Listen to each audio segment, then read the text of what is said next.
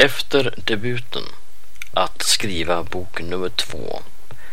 Denna panel spelades in på Svekon 2015, Confuse i Linköping. Medverkar gör Lisa Rodebrand, Mattias Engström, Anna Jakobsson Lund och moderator är Jenny Milewski. Svekon-poddar. En poddradio från svenska science fiction och fantasykongresser.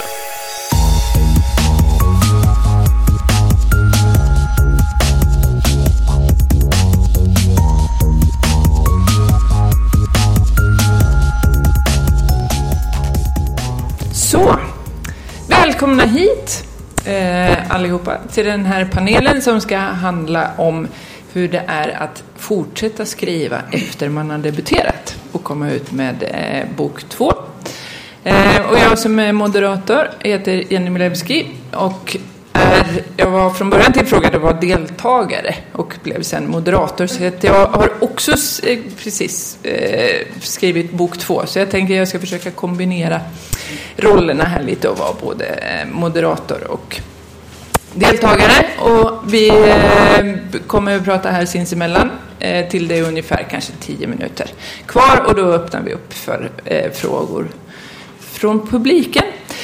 Jag tänkte vi ska ju börja i att för att kunna ens få vara med i den här panelen och prata om att skriva bok två så ska man ju ha skrivit bok ett. Så jag tänkte vi ska presentera oss själva lite grann och berätta hur vi debuterade och hur vi ligger liksom i fas med, vissa av oss har kommit ut med bok två, andra håller på att skriva bok två och så. Eh, vi kan väl börja med dig Mattias. Tack, tack. Ja, Mattias Engström heter jag. Jag har precis, eh, eller för ett halvår sedan ungefär, kommit ut med min debutbok Enklaven, en dystopi som utspelar sig i framåt tiden i Sverige. Eh, och eh, jag har precis då börjat skriva del två, uppföljaren till den här boken. Så jag är väl ganska tidigt i den här bok två processen. Men, men å andra sidan tyckte jag att man lärde sig väldigt, väldigt mycket just i slutet på den första boken också. Så. Men vi återkommer väl till det. Mm. Mm. Och jag heter Lisa Rodebrand, kommer från Öland och jag debuterade 2011 med en bok som heter Revolt. Eh, och det är en ungdomsbok med en blandning av fantasy och science fiction. Eh, var i alla fall tanken. Men sen så när man väl har debuterat med den så är det mer vuxna faktiskt som läser den än ungdomar. Så man kan säga att det är en crossover. Eh, lite grann i stil med Hungerspelen brukar jag säga. Sen är det lite roligt att det råkade få samma titel också. Men jag var faktiskt först med min titel så det var inte så mycket jag kunde göra åt den saken. Och nu så har jag debuterat, eller nu har min bok nummer två kommit ut och den heter En droppe i rymden. Ser ut så. Och det är en fristående fortsättning kan man säga. Så de går att läsa oberoende av varandra, de två böckerna. Mm. Anna Jakobsson Lund heter jag. Och eh, min första fantastikbok kom i mars. Eh, tredje principen. Eh, som jag ger ut. Vi är ju egenutgivare alla tre vi så. Eh, ger ut på eget förlag. Eh, det är en, också en dystopi med unga huvudpersoner eh, som är en del av en trilogi där andra boken, Aldrig ensamma, kommer i november. Så jag ligger lite grann mellan, mellan er två i processen. Så. Mm. Och jag är skräckförfattare, eh, debuterade 2012 eh, med en roman som heter Skalpelldansen. Eh, och min andra, eh, som är en, något fortfarande skräck, men inte alls kopplad till eh, den första. är en, eh, det är en spökhistoria som heter Joko, eh, som kommer här om en månad. Eh, så då har vi alltså Lisa kommit ut med andra precis, jag om en månad, du i november och Mattias i en obestämd framtid. Sådär. Så att vi är, vi, är, vi är olika faser i det här, liksom, eh, bok två. Um, om man ska börja i, om man ska börja någonstans så kan man ju börja i, i den här filosofiska är det, är det självklart att man skriver en bok två? Alltså när man nu har debuterat så, så på något sätt tar vi det för givet att det är liksom att debutera är bara liksom början och sen har man, bygger man ett författarskap och så kommer det massa böcker och så ska man skriva en, en bok om året i all evighet och bli en jätteberömd författare. Frågan är det liksom helt självklart. Anna och Mattias, ni skriver liksom andra delar på liksom en, en historia. Men Lisa, du har eh, fristående. Var det liksom självklart för dig? Var idén till nästa redan klar när den ja, första kom ut? För mig var det självklart att skriva en bok nummer två för jag har alltid skrivit så det var liksom bara en naturlig fortsättning. Eh, sen så hade man ju massa tankar kring hur ska jag tackla det här med att skriva bok nummer två och det kommer vi väl att gå in på mera. Eh, eh, ja. hur pass färdig var bok två då när du Ja, igen, gav ut den första? Egentligen, när jag gav ut den första så hade jag redan tankar och eh, en del scener skrivna till bok nummer två och tre. Och de skrotade jag helt. Och jag skrev någonting helt annat. Så jag har gått in lite grann med en strategi kan man säga att eh, eh, jag vill inte fastna i det här att man har skrivit bok nummer ett så ska man göra samma sak igen fast bättre. För det är väldigt svårt att göra samma sak igen fast bättre. Så jag bestämde mig för att nej, jag ska göra någonting annat istället. Och då slapp jag den prestationsångesten. Eh, och den utmaningen som jag gav mig själv var egentligen att första boken är väldigt mycket eh, action kan man säga. Det är spänning och det är action. Och jag tänkte att bok nummer två den ska istället bli en actionkomedi. Så det var den utmaningen jag gav mig själv och jag är av min natur kanske inte en jätterolig person och inte en sån som brukar gå runt och skämta och så här va. Så det var en stor utmaning för mig. Sen så har den så småningom inte landat riktigt i komedi utan den har landat mera i en feel good känsla. Men det var i alla fall målet att försöka göra någonting annat, inte bara skriva action spänning utan lite mera action rolig, en lite mer lättsam historia jämfört med den första. Hur var det för dig Anna? Det här är ju, det ska bli tre en trilogi. Visste du från början att det här är en historia som jag kommer att dela upp i tre? Eh, och planerade du då upp hela serien från början? Nej, alltså jag visste att jag skulle ha tre delar. Och jag visste, alltså jag hade en, en art där jag visste vart jag ville landa i slutet av den tredje. Eh, och sen hade jag liksom första manuset klart. Eh, och det låg ganska länge innan det kom till utgivning så att jag hade hunnit skriva hela grundmanuset eh, till andra boken redan när tredje boken, eller första boken kom ut.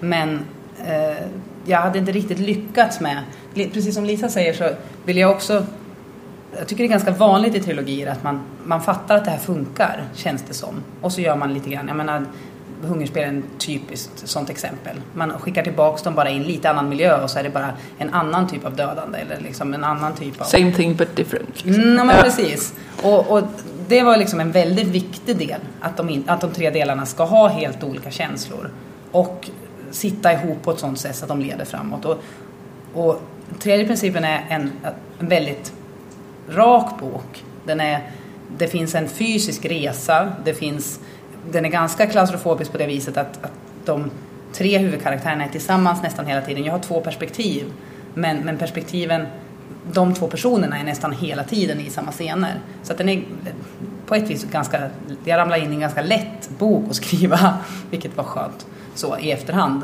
Eh, men, men där jag då istället i tvåan ville ha mycket, mycket mera korsande trådar, mycket mer av en, en krypande oroande stämning och inte liksom samma sak där. Det var ganska mycket. Jag brukar säga att den här boken är väldigt mycket vita hundar med vässade tänder som springer efter folk.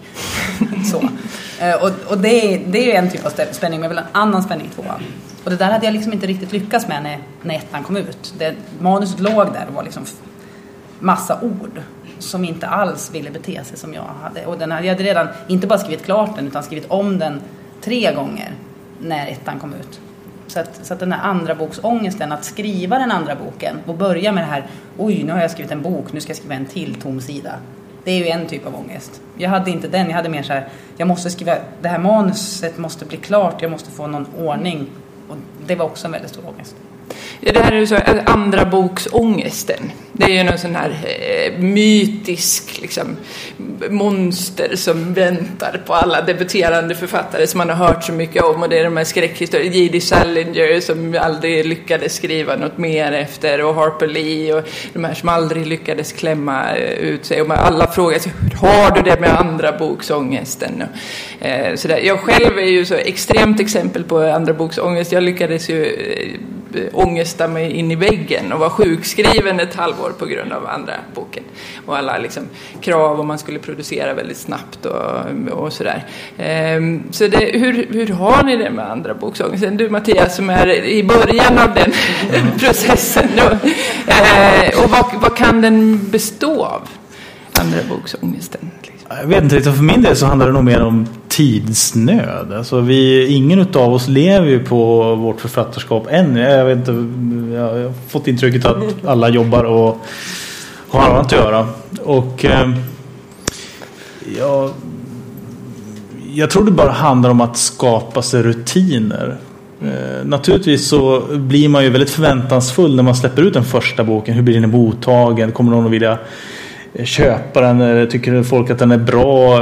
Och vad händer om folk inte tycker den är bra? Kommer jag orka skriva del två? Eller, eller så. Eh, för mig så handlar det nog mer, jag vill återknyta lite grann till eh, det här, liksom, är, det, är det självklart att skriva del två?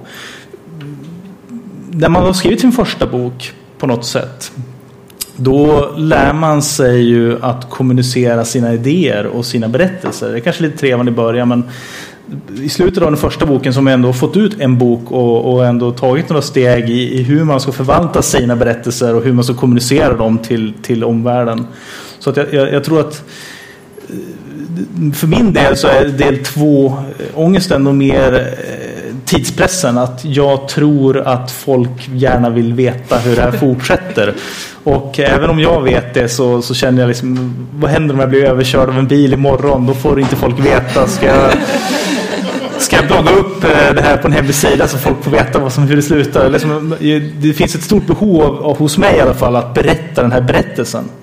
Och sen motiven till att eventuellt skriva ännu fler böcker sen, det kommer ju utav att när man, när man väl lärt sig förvalta det här så det dyker upp hela tiden nya nya eh, berättelser som man vill förmedla, nya tankar och nya embryon. Till exempel så jag när, när jag började skriva den här så hade jag väl en ganska bra uppfattning om hur den här skulle sluta. Men jag hade inte jag hade en känsla att det skulle kunna bli en tvåa. Men jag hade inte förrän jag kom nästan igenom den här eh, klart för mig själv vad den skulle handla om. Nej, det här med, det här med eh, tidspressen är ju en intressant. När man är innan debuten så är det ju eh, vi pratade om det igår när vi träffades, att då är det ju sådär, man skriver och det, man kan ta hur lång tid på sig som helst. Blir det något så blir det något och det var ju jätteroligt. Blir det inget så behöver ingen få veta att det inte blev eh, något. Men sen när man har debuterat så är man så ute liksom i offentligheten och folk går och väntar. Och så, så är det ju, det är ju lite orättvist så att man läsare och skrivare har ju så olika perspektiv. Sådär. Man kan ju nästan bli arg när någon säger Åh, jag tyckte jättemycket om din bok, jag läste ut den på två dagar. När kommer nästa? Alltså jag skriver inte på två dagar. Så man blir nästan lite jag har lagt två år på det här och du, läst, och du har ägnat två dagar åt det och sen är det slut liksom. Och sen är det bara nästa och nästa. Eh, och jag pratade, man vill nästan ha tillbaka sin tid då. Liksom. Vad sa du? Man vill nästan ha tillbaka sin ja, lite, lite så. Eh, och Anna sa, du sa ju också hur känner igen det. Hur, när kommer nästa? När kommer nästa? Och man vill helst, just när man skriver i serie också, att då vill man gärna läsa nästa del. Direkt. Vilket gör att man egentligen när man skriver serier så kan man skulle skriva ägna tio år, år åt att skriva fem böcker och sen kan man bara så här putsa ut dem sen. Jag, har haft, jag tyckte jag låg så bra till också eftersom jag tog så lång tid på mig med ettan. Att, att liksom, jag hann ju skriva klart det där manuset två, tre, fyra gånger. Så jag hade ju kunnat producera hela serien om jag inte bara hade kört fast på tvåan. Så, så att jag hoppas faktiskt att jag ska eh, att trean ska gå lättare. Alltså den kan inte gå tyngre. så. så att jag hoppas att det, att det kommer bli bra. Men just att, och speciellt kanske om man läser, jag vet inte, den här, alltså fantastik överhuvudtaget är ju så. Jag tänker att det är, som bok, det är sådana bokslukare. Man skriver för sådana bokslukare. Jag vet inte, sådana som skriver deckare kanske har samma och liksom feelgood också. Men, men det är någonting med fantastikpubliken. Att man, men det är väl mycket det att man går in i en värld. Mm. Alltså man bygger upp en värld och så bjuder man in folk till den världen och så vill folk vara i den världen. Och då vill man fortsätta vara i världen även när boken tar slut. Och det enda sättet är ju att få en, få en ny eh, bok. Mm. Eh, så det är mm, jag vet på SF-bokhandeln i Malmö så har de den här listan vid, vid kassan om när nästa bok i serien kommer och folk går och frågar och så står det liksom längst ner så här, George Martin någon gång. Eventuellt. Och folk går och väntar och väntar och blir jättearga när de suddar ut och skjuter upp och, eh, och så. Och det, det är klart, det är ju en press som författare liksom, att nu, nu vill folk liksom in i min värld. Sådär. Något som också blir annorlunda efter debuten är ju när att man plötsligt har en, en läsekrets som uppfattar ens historia och får en relation till sina karaktärer eh, som de ger kanske respons till en om att oh, den här karaktären gillade jag jättemycket, kan det inte vara mer om den i nästa bok? Eller sådär. Hur, hur förhåller man sig till det som författare? Påverkar det ens skrivande? Inom debuten så skriver man ju liksom för sig själv och i en bubbla och ingen, eh, även om man kanske har betaläsare och sådär. Men sen har man en läsekrets vars förväntningar man ska uppfylla med nästa bok. Vad säger du Lisa? Ja, man blir ju alltid förvånad så att säga hur, hur, boken uppfattas. För man har ju oftast haft en, i alla fall när jag skrev min första bok då, så hade jag ju en idé om att den här boken är för ungdomar. Sen när man börjar sälja den till folk och får respons på den, det är nästan bara vuxna som har köpt den. Och på väldigt många håll så är den klassad som en vuxenbok också. Så man får ju ändra uppfattning lite grann om vad det är man har gjort så att säga. Man tror att man gör en sak men sen när den kommer ut så, så visar det sig vara någonting annat. Har det påverkat den nästa boken då? Att du har, tror du att du har skrivit den på ett annat sätt än om du inte visste det? Egentligen så har jag nog skrivit den på samma sätt just vad gäller det. Att jag har riktat in mig på ungdomar på den här boken också. Men sen så går jag in med lite mer öppna ögon kanske när jag börjar sälja den. Att jag talar om att den här är för ungdomar men förmodligen så kommer det vara mest vuxna som läser den. Okay. Ja. Du skriver ju också för ungdomar, Anna. Ja. Hur? Det hade jag nog inte heller riktigt... Alltså, jag fick en sån eh, upplevelse när, nu i vår när boken kom ut. Jag fick en bild av en sån ung läsare. En, eh, en kompis som skickade liksom, just den här som kommer och kommer inrusande på sin skolbibbla och säger, säger när kommer nästa del? Och min kompis som var den bibliotekarien kände att det här måste vi föreviga och så tog hon kort på den här tjejen och skickade till mig och så fick jag liksom, det här är min, det, är, det där är en riktig läsare, hon är 13 och ett halvt år gammal och hon liksom väntar på nästa del. Eh, och, och det förändrade saker för jag hade, hade tänkt mig eh, jag hade tänkt mig utvecklingar i, i de andra två böckerna som som jag plötsligt inte riktigt kunde stå för. När jag kände att det här är ju faktiskt min, min egentliga läsare som, som blir sådär entusiastisk på ett sätt som vuxna läsare kan bli, men, men som det är väldigt vanligt att, att unga läsare blir. Så jag ändrade på saker, stora saker och kände liksom en enorm lättnad att jag tyckte att det blev bättre också. Jag kände att det här kommer bli bra, det här kommer passa och det passar mig bättre. Men jag hade liksom inte riktigt fattat det förrän jag såg den här, den här äkta läsaren som liksom kan jag pracka på henne det här? Kommer hon, kom, liksom, vill, jag, vill jag att, den, att min, liksom, den här liksom, personifierade läsaren på något vis ska behöva handskas med det här? Nej, nej, nej, så vill jag inte skriva. Och så det faktiskt blev det en, en och det hade jag kunnat räkna ut innan, tycker man ju. Men det var, det var någonting, det är någonting speciellt när det finns när det är människor som man inte känner alls och som inte liksom är inbjudna som testläsare som bara dyker upp på det där biblioteket med min bok och säger det här var ju, nu vill jag ha nästa del. Det är spännande. Det är ju, alltså, när man släpper ut en bok eh, till läsare så får man ju, man får ju både en spegling på boken, eh, vad, man har, vad man har skrivit och i någon mån även liksom på en på en själv. För det man, det man skriver är ju lite grann en förlängning av en, av en själv och ens intresse. När jag släppte min eh, första bok så, jag älskar skräck. Eh, och eh, visste väldigt tydligt vad jag ville med den första boken, att, att skildra vårt förhållningssätt till eh, underhållningsvåld och varför sådana här eh, tortyrfilmer eh, som Hostel eller så och sådär eh, blir så stora och hur kan det komma sig att vi vill gå och titta på någon som blir söndersliten i en sträckbänk och tycka att det är roligt. Liksom. Och för att kunna skriva den boken så var jag också tvungen att skriva sånt för att, för att liksom illustrera det. Eh, och jag blev nästan chockad när jag fick ju reflektionen tillbaka sen av läsaren att, att gud vad hemskt! Vad är det för fruktansvärd människa som har skrivit de här? Så man får ju liksom en bild av sig själv också tillbaka, vilket ju också kan påverka eh, det fortsatta skrivandet. Så här, vill jag vara en sån här liksom hemsk eh, människa? För mig var det en liten chock. När liksom, eh, för jag tyckte själv inte det var liksom så brutalt som, som eh, läsarna tyckte, eller vissa tyckte, som blev så oerhört provocerade av, av det jag hade, hade skrivit. Och då kan man ju bli lite självmedveten och eh, liksom anpassa efter, på, på gott och, gott och ont eh, kanske.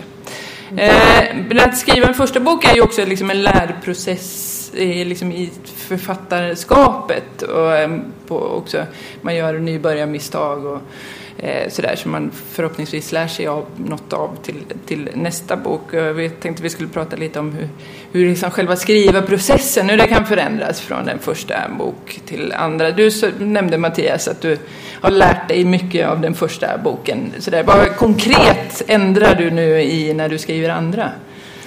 Ja, för det första så hade jag som utgångspunkt när jag eh, uppfylld av egen förväntan på hur roligt det ska bli att skriva en bok så satte man sig bara ner och, och började skriva i en ordbehandlare liksom rätt upp och ner. Och sen så gick åren, för det tog ganska många år för mig att spotta ur den här boken. Gick åren och det vart mer och mer ohanterlig textmassa så att det är, ett sätt är ju liksom rent faktiskt verktygen, alltså att använda strukturerade eh, verktyg för att skriva det så man kan hantera textmassan, gå tillbaka och söka runt och så vidare. Men sen så är det ju också hela den här läroprocessen kring men hur går det till när man skriver en bok. Eh, folk sa till mig i början Ja, men det, ja, att skriva klart boken det är ju bara första steget. Sen ska du skriva om den också. Så jag tänkte, men vad menar de? Och, eh, kommer, det, här kommer, det tog jättelång tid att skriva den här boken. Jag har inte tid att vänta sex år till. Liksom. Eh, men så var jag faktiskt på ett eh, seminarium med Emelie Schepp eh, på biblioteket här uppe som som gav några handfasta tips. Eh, hon slängde bara ut sig. Skaffa redaktör tidigt. Så jag är inte dummare än att jag kan lyssna på råd. Så att jag eh, hittade en redaktör någonstans när jag var nästan klar med boken. Och som fick eh, ta tag och hjälpa mig med mitt arbete. Och det var ju verkligen så här helt enormt bra att få någon som är professionell. Som kan titta på boken med helt andra ögon och tidigt ge feedback. Så det är ju kanske den stora förändringen till tvåan. Dels att jag kanske har ett strukturerat, mer strukturerat arbetssätt rent tekniskt men också att jag plockar in lite professionell hjälp med dramaturgi och liknande. Eh, den första delen här den eh, skrev jag linjärt så att säga under, under tiden eh, och hade egentligen inte full koll på hur det skulle sluta. Det var en vag idé om hur det skulle sluta del två nu. Där, där, innan jag skrev ett ord så satte vi oss ett helt gäng och brainstormade fram hela dramaturgin för den här boken. Så att jag liksom har ett, ett rättesnöre att förhålla mig till. Så det är ju ett jättestort, en jättestor skillnad i, i arbetssätt för min del i alla fall. Mm. Jag har ju också bytt struktur på mina böcker för jag skrev ju min, min första... Oj, förlåt. Ett ögonblick. Nu ska vi se om rösten kommer tillbaka. Eh, min första bok skrev jag ju mycket i form av scener och mycket inspirationsinriktat. Eh, då, fick jag inspiration för en scen så skrev jag den scenen. Så fick jag inspiration för en annan scen och då skrev jag den scenen. Och sen så blev det ju ett pusselarbete och pussla ihop det till en historia i slutändan. Eh, och det tog ganska lång tid så det är en sak jag lärde mig att att jobba på det sättet det passar mig väldigt bra men det tar väldigt lång tid. Så det är någonting jag fått ge avkall på på bok nummer två. Då, va? Att där kände jag att jag har inte hur mycket tid som helst och jag vill att de som har läst första boken de ska få bok nummer två inom en rimlig framtid. Nu har det ju tagit vad det kan vara fyra år eller någonting. Men i alla fall något sånär rimligt då. Va? Så bok nummer två har jag skrivit ganska linjärt istället. Som egentligen inte är mitt sätt att skriva men där har jag börjat från första sidan och skrivit till sista sidan i princip. Hoppat lite grann bara. Eh, och det har sparat oerhört mycket tid för mig. Eh, ja, så, så kan man ju också göra. Mm. Och du då Anna? Om du håller upp liksom processen med första och processen med andra. Har, det gått, har du lärt dig något så att det har gått smidigare? Ja, alltså det, jag, hade sån, jag hade sån tur tror jag med den första boken eftersom den är så enkel i sitt upplägg.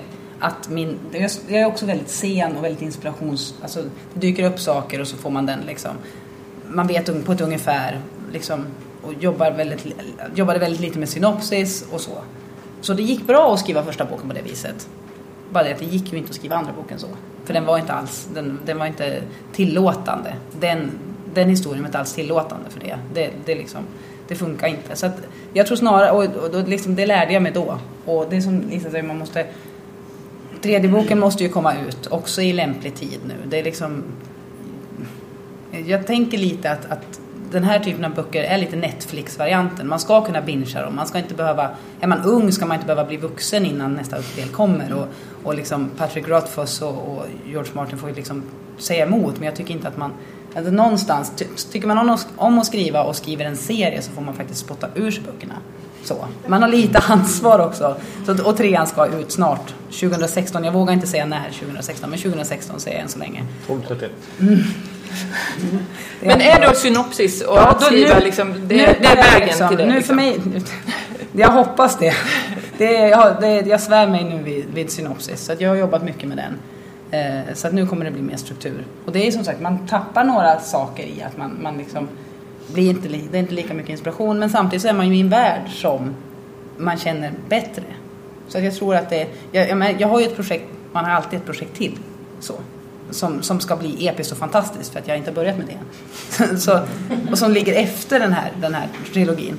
Och där, är det, där tillåter jag mig då liksom så här, åh, man står och hackar sparris liksom. Ah, yes det kommer att komma liksom en sån scen där den här kocken kommer med sparris och det är liksom, ja vad bra, den, vi lägger den här så får vi väl se om den passar in sen. Så då får jag, vara, jag får liksom som ploppa i scener i den, den texten istället och så får jag vara strukturerad med det här. Hålla dig disciplinerad. Man måste ha något utlopp för det där, liksom, det där som kommer och går i huvudet hela tiden.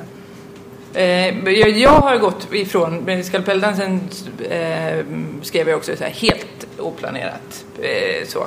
Jag hade ingen process eller någon uppfattning om vad en skrivprocess var. Det var ju det första jag skrivit skönlitterärt någonsin. Eh, och skrev den eh, väldigt oplanerat, skrev sen om den tio gånger tror jag eh, totalt under processen att liksom bli utgiven och efter utgivningen och sådär. Och det var väl samma sak för mig. Jag insåg att jag kan ju inte, det kan ju inte ta så här lång tid igen och vara så här jobbigt. Man måste ju liksom kunna, eh, kunna förenkla processen. Eh, sen tror jag, jag vet inte hur det var för er, jag hade nog förväntningar på att, att eh, jag inte skulle behöva redigera alls lika mycket på andra boken. Att det skulle vara liksom, skulle nog vara ett större hopp, jag skulle ha blivit ännu bättre så. Fortare. fortare. Så, jag tror, det där tror jag är överhuvudtaget, du nämnde det, så här, vadå skriva om? Liksom. Att alla som debuterar har nog innan en förväntning om det, man förstår inte riktigt hur mycket alla författare skriver om. Eh, så, eh, hade någon, eh, det var Fredrik Forsyth tror jag, som jag läste på Facebook för, för eh, något år sedan. Då hade han precis skrivit färdigt ett manus på 200 000 ord, typ jättetjockt manus. Och så skrev han så, ja nu är det färdigskrivet, nu är det dags att slänga det. För så gör han alltid, han skriver en och så slänger han det. Och så skriver han en, en gång till. Eh, och jag hade, när jag skrev Jocke så hade jag nog någon förväntan om att nu har jag planerat upp så mycket bättre, nu ska jag nog inte behöva. Eh, men jag skrev, för jag måste också göra så i princip. Jag slänger inte, men jag skriver om hela texten i princip en gång innan man börjar liksom med finredigering. Så där, eh, ja, man lär sig saker men sen så är det, man är ju fortfarande kanske nybörjare när man skriver. Man får ju komma tillbaka när man skrivit 60 böcker som Stephen King. Då kanske man är. Men då har jag en fråga till, eh, till panelen här eftersom att jag är precis i början av det här. Ja. För jag tänker mig att i slutet när man ger ut sin första bok i alla fall så börjar man ju, alltså i redigeringsprocessen så sitter man och läser kanske ett stycke och, och det gnager lite grann. Och, och ja, men, vi tar bort de här meningarna. Sätter dit några nya. Man, man, liksom, man får en känsla i det. Man läser och så har man en, en känsla, någonting som i bakhuvudet säger att det här måste göras om. Eh, när man då ska skriva andra boken tycker att man är så duktig och har klarat av den första här och gått igenom redigeringen. Eh, jag kommer på mig själv här nu lite grann. Att eh, jag började ganska tidigt med det här. Att reagera på den här känslan. Eh, det kan, det kan ju vara en fara tänker jag också för att eh, faktiskt få ur sig ett manus. Man får inte bli för kritisk och för uppfylld av sin egen redigeringslusta. så att man liksom eh, sätter krokben för sig själv. Vad tycker ni om det? Jag tror att det är väldigt individuellt. Jag jobbar ju mycket med andras manus också som testläsare och eh, som recensent och eh, ja, på olika sätt. Och jag tror att det är väldigt, väldigt individuellt. Man måste hitta det som passar en själv. För en del så passar det väldigt bra att skriva ett kapitel och sen så direkt efter att man har gjort det så går man in och redigerar och ändrar och fixar och donar. Medan andra, de vill hellre skriva hela boken och sen går man tillbaka och skriver om och ändrar och fixar. Och det där tror jag, man måste hitta sin egen väg där. Jag är en stark förespråkare för shitty first drafts. Som jag då fick ångra bittert när jag gjorde ett så shitty first draft så att det liksom måste jobbas om och jobbas om. Men jag tycker att det, det är en bra det är en bra medicin mot ångest att man inte, det var någonting jag lärde mig av första boken, att just för att man skriver om så många gånger och just för att jag vet hur otroligt uselt det var redan. Alltså, min första testläsare på tredje principen sa att de här karaktärerna kan man ju inte tycka om, det är ett stort problem. Och det är liksom, från där till att den 13,5 åren kommer liksom, när kommer nästa del, vad händer, vem kommer att liksom så. Det är en lång process. Och eftersom jag varit med den så har jag det är lite lättare att liksom Visst, jag har haft jättemycket ångest kring att jag måste lägga ner så mycket jobb på tvåan men jag har liksom bara periodvis tvivlat på att jag kommer att lyckas. För att jag vet att det har varit väldigt Alltså det är väldigt dåligt i början och sen blir det bättre och bättre när man jobbar om det. Jag märkte däremot att när jag hade som mest dramaturgiska problem då tappade jag mitt språk helt och hållet. Så jag kunde känna, jag känner inte igen mig själv i det här språket. Vart det, det här språket som jag har, som jag tycker om, som, som liksom måste vara liknande tredje principen. Jag kände att, tänk om jag bara har liksom smetat ut mig själv i det här. Men så fort jag fick ordning igen på dramaturgin, så fort ett och ett halvt år senare när jag fick ordning på dramaturgin, då ramlade språket tillbaka. Och då kunde jag börja liksom jobba och känna att ah, här ska vi ju. Och det där är ju, det här är inte mitt språk, här måste jag byta. Och liksom, då, då blev det väldigt mycket mer naturligt. Så att, så att det liksom, och så nästa gång då så kommer jag inte ha ångest över att jag tappat mitt språk. Så man, hela tiden får man en ny sak som man tänker ja. det där löser sig. Jag, jag kämpar fortfarande förtvivlat för att kunna eh, känna så med Shitty First Draft. Jag, är ju, eh, jag jobbar som copywriter. Jag är fullständigt yrkesskadad så att jag kan inte skriva en halvtaskig mening och gå vidare. Vilket är jättedumt.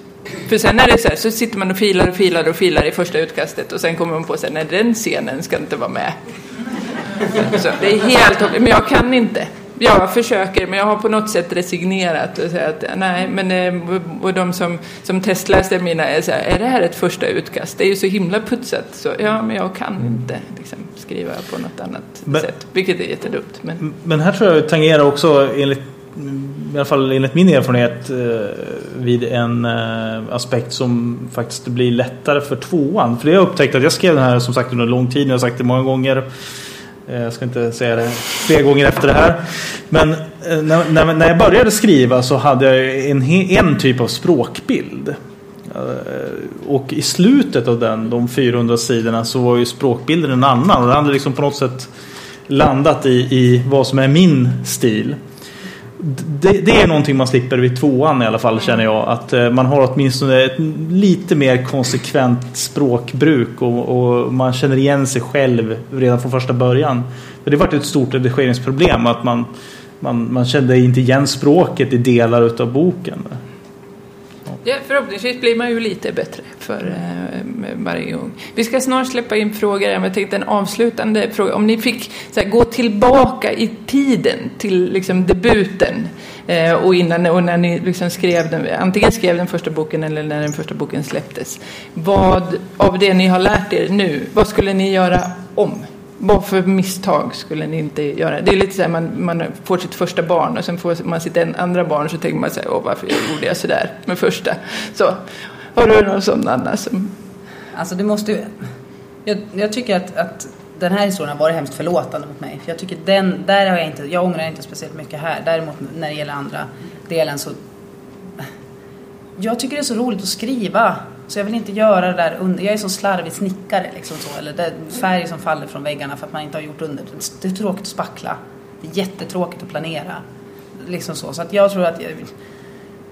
Nej, det, och jag ska ju försöka göra det nu med trean att inte börja skriva på en gång förrän jag vet. Lite så. Jag tror att det är det där, man, man är en sån här läsardriven skribent. Jag sa det på något annat seminarium också. Att, att skrivandet är alltid en förlängning av läsandet. Att man vill veta hur det går. Och då kan man liksom så inte veta hur det går. För då, då blir det trist. Och, och det är lite... Mm, jag måste hitta någon annan utmaning då som gör att jag fortfarande, trots att jag vet hur det går, tycker att det är roligt att liksom mm. fortsätta och, och, och svettas lite med texten. För det kan jag tycka att jag, man kan inte tro att man ska kunna ha tre, fyra trådar som håller på. Och, och bara säga, ja men vi får väl se om ja, det där kanske kan hända. Och, det, och jag har slängt så fruktansvärt många scener. Jag säger i andra manuset 20 procent kanske är kvar från, från första gången och det är liksom, vi har sex, sju, åtta stora dramaturgiska omskrivningar. Och då pratar vi inte, en kompis hade ett bra uttryck för det där som du håller på med. Hon, hon upptäckte stora dramaturgiska problem när hon hade, hon säger det är som att på Titanic så flyttar man om solstolarna mm, mm. tills de står helt perfekt och sen kör båten bara rakt in i ett isberg som man har glömt att liksom kolla efter för att man har flyttat. Men solstolarna de står jättesnyggt på Titanic. Så att det är liksom, nu kommer man bara hela vägen så spelar det faktiskt ingen roll. För då kommer du ha ett, liksom en, en båt. Förutom att det är störigt ja, när man får äh, slänga den där scenen som man ser. Men om man inte kan på något annat sätt så kan man inte Nej, på något precis. annat. Och det måste man kanske också lära Jag, jag, blir helt, jag får så här eh, rysningar av folk som säger som du säger, jag skriver en scen där och en scen där och så. Alltså jag kan inte, jag skriver från kapitel 1 till aldrig att jag ska skriva kapitel 10, slutet. Vet jag sådana som skriver slutet. Herregud. Skulle aldrig gå för mig. Här är det ordning. Jag skriver till och med sådär om jag ska ha eh, vet, ett citat först, något sånt där låtcitat eller så, då skriver jag det först. Och sen skriver jag titelsidan två. Och sen skriver jag kapitel ett så, och så skriver jag den och så. Jag skulle aldrig vara sådär busig. Lisa, om du fick gå tillbaka till eh, Revolt, är det något du skulle ha gjort annorlunda tror du? Eh, jag kommer faktiskt inte på någonting på första boken för jag höll på med den så vansinnigt länge och det är kanske det man skulle ha gjort annorlunda. Att man skulle ha bestämt sig för att den var klar tidigare och börjat på något nytt. Men jag ville verkligen få den så bra jag bara kunde så jag höll på med den en vansinnig massa år. Eh, och jag provade nog allt så det är svårt att hitta någonting jag skulle ha gjort annorlunda. Däremot på bok nummer två så vet jag självklart vad jag skulle ha gjort annorlunda. För där gjorde jag ett stort misstag. Eh, och det var att skriva slutet sist. För det blev väldigt ångestladdat. Man byggt upp en hel bok och så ska man komma fram till ett slut som då ska leva upp till allt det här som man har byggt upp. Och ja, det blev väldigt svårt att kläcka ur sig det där slutet och få det bra. Så det tog ganska lång tid att skriva själva slutet. Faktiskt. Så det är någonting jag tar med mig till nästa bok. Att vänta inte med slutet till sist utan ha det på plats. Fast jag gör ju detaljerat synopsis där det är liksom exakt allt liksom finns in. Jag ska släppa in frågor alldeles strax. Jag en fråga. Nej. Jag hör till. Det är nämligen så att John K. Rowling, hon med Harry Potter, hon gjorde exakt så. Hon, har skriv, hon skrev slutet i ett tidigt stadium, stadium och så la in det i ett kuvert och kuvertet la hon i ett bankfack. Där det liksom fick ligga, det som hade skrivit eh, alla sju Harry Potter, eh, alla sex Harry Potter-böcker och hade nästan klar med sju. Då gick hon till bankfacket, hämtade slutet och så la till med små ändringar bara. Mm. Mm. Ja men det är nog smart. Eh. Ja. Skulle du gjort något annorlunda? Uh, nej, men jag skulle nog gå lite mer, eftersom att vi alla har konstaterat här att redigeringsarbetet är oundvikligt så tror jag att man ska nog eh, låta skrivarlusten ta överhanden och, och satsa på en eh, dirty draft här med medvetenheten om att här ska, här ska skrivas om. Liksom. Det tror jag att jag kommer att köra på. Men sen så det här när det gäller att ha jättemycket struktur och gå in i detalj och planera upp boken. Jag vet inte, jag tycker att det är lite av en upptäckarlust och en upptäckarglädje som driver skrivandet eh, för min del i alla fall. För att eh, karaktärerna utvecklas, situationerna utvecklas. Ibland kommer man på någonting som gör att situationen utvecklas åt ett håll man inte tänker sig. Så att jag, jag tror att jag skulle få väldigt svårt att pussla ihop. Om jag skulle börja skriva runt om så här så skulle jag få väldigt svårt att pussla ihop det på slutändan. Men eh, det är ju tur att vi jobbar olika. vi gillar olika. Så. Eh. Får jag säga en sak innan vi släpper på frågorna? Ja. Eh, jag har fått ett antal böcker utav den här som tyvärr blev fel från tryckeriet som är knöliga på ryggarna. Så jag kan inte sälja dem. Eh, och det står en kartong utav dem vid utgången där sen så om det är någon som vill ha så är det bara att få se sig. Trevligt. Ja, ja Ingrid? Ehm, ni pratar här om att andra bokutsorningar absolut liksom mer strukturerade, som vi redan Ja, men sagt, jag var inte strukturerad i i det första. Ja. Jag känner väldigt mycket väl igen mig i alla fall. Detta inspirationsskrivande här och där och så. Mm. Eh, och du Mattias nämnde någonting om verktyg. Och jag skulle Ja. gärna vilja ha lite praktiska tips på vilka verktyg ni använder för att åstadkomma denna struktur. Ska jag börja? ja. Jag började skriva i OpenOffice eller Word typ. Det kan jag och det bestämdaste avråda ifrån. Ehm, jag hittade ett verktyg som heter Scrivener som jag vet att flera skriver i.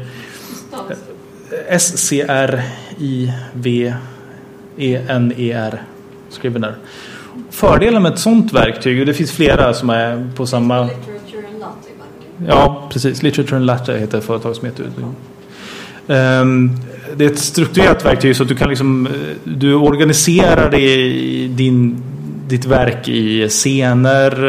Eh, den har olika templates så man kan ha lite olika struktur. Men du kan också lägga upp kataloger och dra in eh, massa annan information, pdf eller researcharbete. Du har character sheets om man vill jobba med sånt. Och du kan, det finns ett templates förberett för det. Jag vet inte om ni Ja, jag har Scrivener och jag eh, använder det mycket för research och sådär. Sen skriver jag ju som sagt kapitel ett. Det blir för många olika i Scrivener. Det är så eh, för mig. Så jag skriver i Word faktiskt. Jag har ju bara ett dokument, för det är ju boken. Det är ju liksom manuset. Så. Men jag använder Scrivener mycket för re research och samla alla karaktärsblad och allting sånt.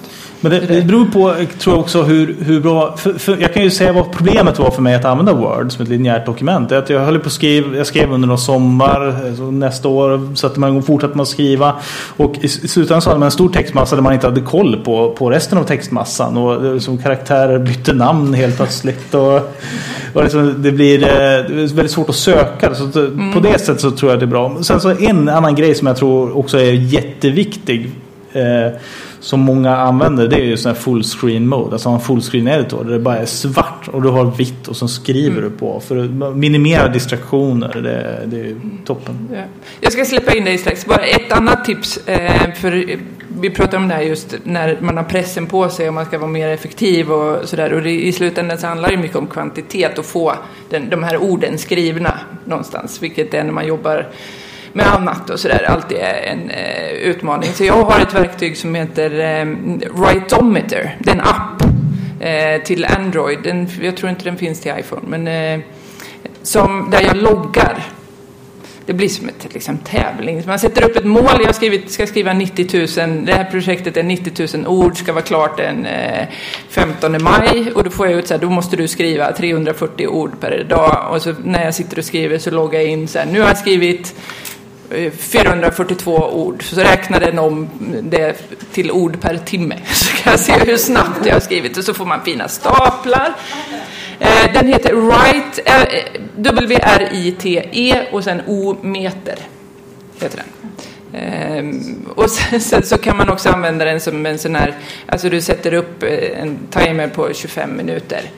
Ehm, finns inbyggd då i så, och så skriver man och så säger ni, och då får man en liten, en, en liten plupp ehm, som heter Goava och så kan man lägga in att när jag har fått tre Goavor så får jag surfa på Facebook i tio minuter. Alltså, Jag som som är, belöningssystem. jag som är Så- helt oteknisk och, och liksom har kommit ungefär till sådana mindmap, den nivån nu när jag ska ta struktur. Vågar inte ens köpa Scrivener för jag vet att jag kommer bara bli arg. Så, så jag kan också tipsa om att det är väldigt bra att ha andra människor som Alltså jag har, vi, vi är några, vi är tre, de tre musketöserna, eh, mina, mina andra annor eh, som driver blogg ihop och gör massa roliga saker ihop. Som, liksom där, där de alltid finns i meddelanderutan. Det är alltid någon som är där. Och det kan man säga, det, är inte, det kan vara en distraktion, brukar det vara. Man ska inte vara- där alls, man ska inte Facebook öppen och så vidare. Men när man liksom så här kör fast i det här, det, det, och hur är och, och så bara klistrar man in text där. Och så får man liksom, det här är inte ditt språk, det här är, hur tänker du nu, borde inte den där vara där? Och, och liksom, det här är ju fantastiskt bra, den där delen, men stry- stryk allt annat. Och så går man vidare. Så folk är faktiskt också bra att ha. Som verktyg. Ja, som verktyg faktiskt. Det, Ja. det, Jo, en kommentar och en fråga. Eh, först och främst tänkte jag bara säga att det är så skönt att höra att det finns andra människor som har jobbat med sina böcker i flera år. som inte smäller ut två romaner per år. Och um, sen tänkte jag höra också, ni pratar mycket om det här med dramaturgi i um, era böcker. Vad har ni för bra böcker, alltså har ni några bra bokförslag på att läsa om dramaturgi i bok och så vidare? Eller vad har ni läst för böcker om skrivande? Jag har gått kurser mycket eh, i dramaturgi och berättarteknik. Jag håller kurser eh, i det nu på Folkuniversitetet i, i Malmö och sådär. Annars, eh, skrivhandbok i allmänhet jag brukar alltid tipsa om Stephen Kings eh, skrivarhandbok. Han pratar ju också om dramaturgi och lite, lite så. Fast han är ju mer sådär, jag, jag får en idé och så kör jag. Sådär. Eh, men ska man ha en skrivhandbok ändå så tycker jag att hans är eh, väldigt bra. Men specifikt om dramaturgi. Ganska svårt ja. tycker jag att hitta bra litteratur om dramaturgi. Jag har ett helt läsårs skriv på universitetsutbildning och jag, jag, jag kan vara en jambisk vers här men vi läser nästan ingen dramaturgi. Det här är ju nu, ja, gud, många år sedan. Men, men faktiskt så, så tycker jag att man är lite, man, den är lite styrmoderligt behandlad i Sverige. Ja. Så, och, jag och man kan, man kan söka inom alltså, filmlitteratur. Mm. För det finns mycket mer vad gäller film. De kurser jag har gått om dramaturgi är mycket filminriktade. Och jag har haft jättemycket nytta av att tänka film eh, när jag skriver. Att tänka scener och kurvor. Ja, vi, får ta, vi måste strax sluta. Så, ja. Ja, precis. Ja, film och teater. Ja, Martin. Jag hade bara en liten kort uh, inflikning där. Jag har ju ingen form av skolning alls när det gäller skrivande eller skrivteknik eller dramaturgi. Så det jag gjorde var att jag tog uh, kontakt med en dramaturg som jobbar professionellt med dramaturgi. Så fick han ge ett uh, lektörsutlåtande på min bok. Och då får man ju lära sig en del om dramaturgi. Därför då får man ju en situationsanpassad analys av vad man har gjort också. Och kan förhoppningsvis då kanske lära sig någonting. Jag vet inte. Folk är jättebra. ja, vi ska sluta. Du, är det någon sista avslutande? Nej. Eh, då får vi eh, tacka så mycket för att ni kom och lyssnade.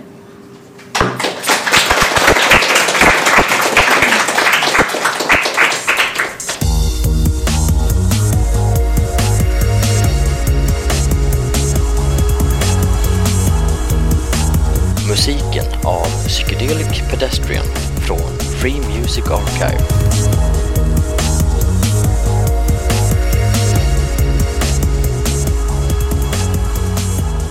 Besök gärna vår hemsida på svekonpoddar.se